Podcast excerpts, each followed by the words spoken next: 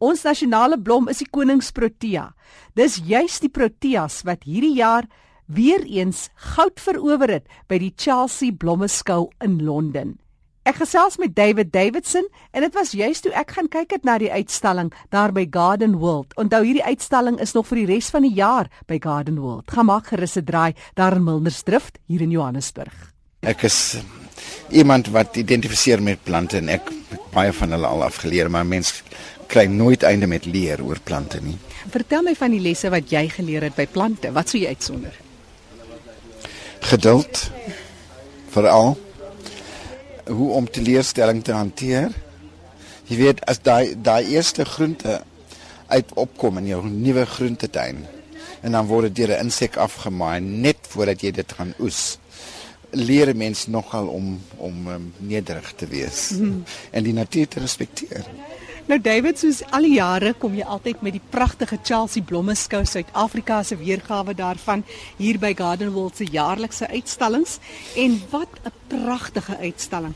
Hier het jy besondere mooi samestelling en dit lyk vir my hier het jy net woes gegaan met die proteas. Vertel my.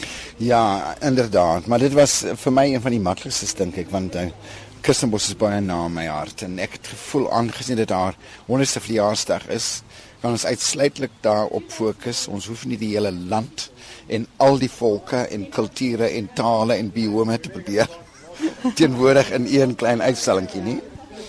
En uh, ek het gedink as ek 'n manier kan kry om vir die besoeker 'n sensoriese ervaring te bied van hoe dit voel om binne in Kirstenbosch toegevou of omvou te wees en daar was die antwoord. Draai om toe dat die mense almal in die tuin inkom en deurloop en daarom het ons ook 'n plafon doek oorgespan mm. sodat mense nie nou uit die tuin uit opkyk en dan staar jy jou skielik blind teen die lelike dak van die van die tent nie. So en dit het inderdaad gewerk. Mense het gesê dit dit is presies hoe dit onthou of dit net so dit voel in Kirstenbos of nog beter as dit reg lyk soos Kirstenbos lyk dan is ons op pad soontoe. Mm. Nou 100 jaar later, dit is uiteindelik seker nogal ietwat van 'n uitdaging ook. Ja, nog Want wat sonder jy uit? Wel, dit was vir my maklik. Ons het begin by die oudste dele van die tuin. Uh omdat dit Chelsea se ehm um, eeufees ook was, het hulle ook bietjie uh, jy weet terugblikke gehad. So ons het teruggekyk na die ontstaan van die tuin in in 1913 pragtige ou foto's van hoe dit toe gelyk het. Twee aspekte van die tuin wat ons probeer uitbeeld. Dit was die wat vir my die mooiste deel van die tuin is daar in die dal met die stroompie mm. binne in die woud by die ou bad en dit is dit word omring deur 'n natuurlike amfitheater wat die eerste ontwikkeling was waar die broodbome reeds teen 1914 gebou was. So dit is die oudste deel van die tuin en dan vir meeste mense die die mooiste miskien of die mees gewilde is natuurlik die Protea tuin. Mm. En wat Kirstenbosch so ehm um, uniek maak is daai ongelooflike ehm um, agtergrond van die hange van Tafelberg en Kasteelrots en so. Ons het dit as agtergrond gebruik en die hele fynbos familie tentoongestel aan die voete van die berg. Nou ons staan nou hier voor die tuin en hier is die pragtige versameling van ehm um, die proteas. Dis die ou reuse proteas, dis die mooi groot, dis is die klein fynnis. Wat sê jy vir ons? Ja. Vertel ons 'n bietjie meer oor die verskillende spesies in. Wel dit is een van die rykste plant ehm um, plant koninkryke of biome ter, ter wêreld natuurlik. Maar in daai ehm um, fynbos familie self ehm um, is daar wat ons hier het, dit is dit is klomp verskillende uh, verwante lede of neefse niggies van een plantgemeente gemeente die fynbos. So dit behels die proteas, ehm um, die spelkussings, die tolbossies of leucadendrons van die groot silverboom tot die klein tolbossietjies. Ehm um, 'n ander baie belangrike element is natuurlik die heide. Die ericas en daar's honderde soorte, etlike honderde soorte en dan die bissies of restius of dekrite is natuurlik 'n baie 'n ander baie belangrike komponent van die fynbos. En dan kom daar ander goed by soos uh, groot verskeidenheid bolplante en so meer. So almal daai elemente, die komponente van die fynbos word hier tentoongestel.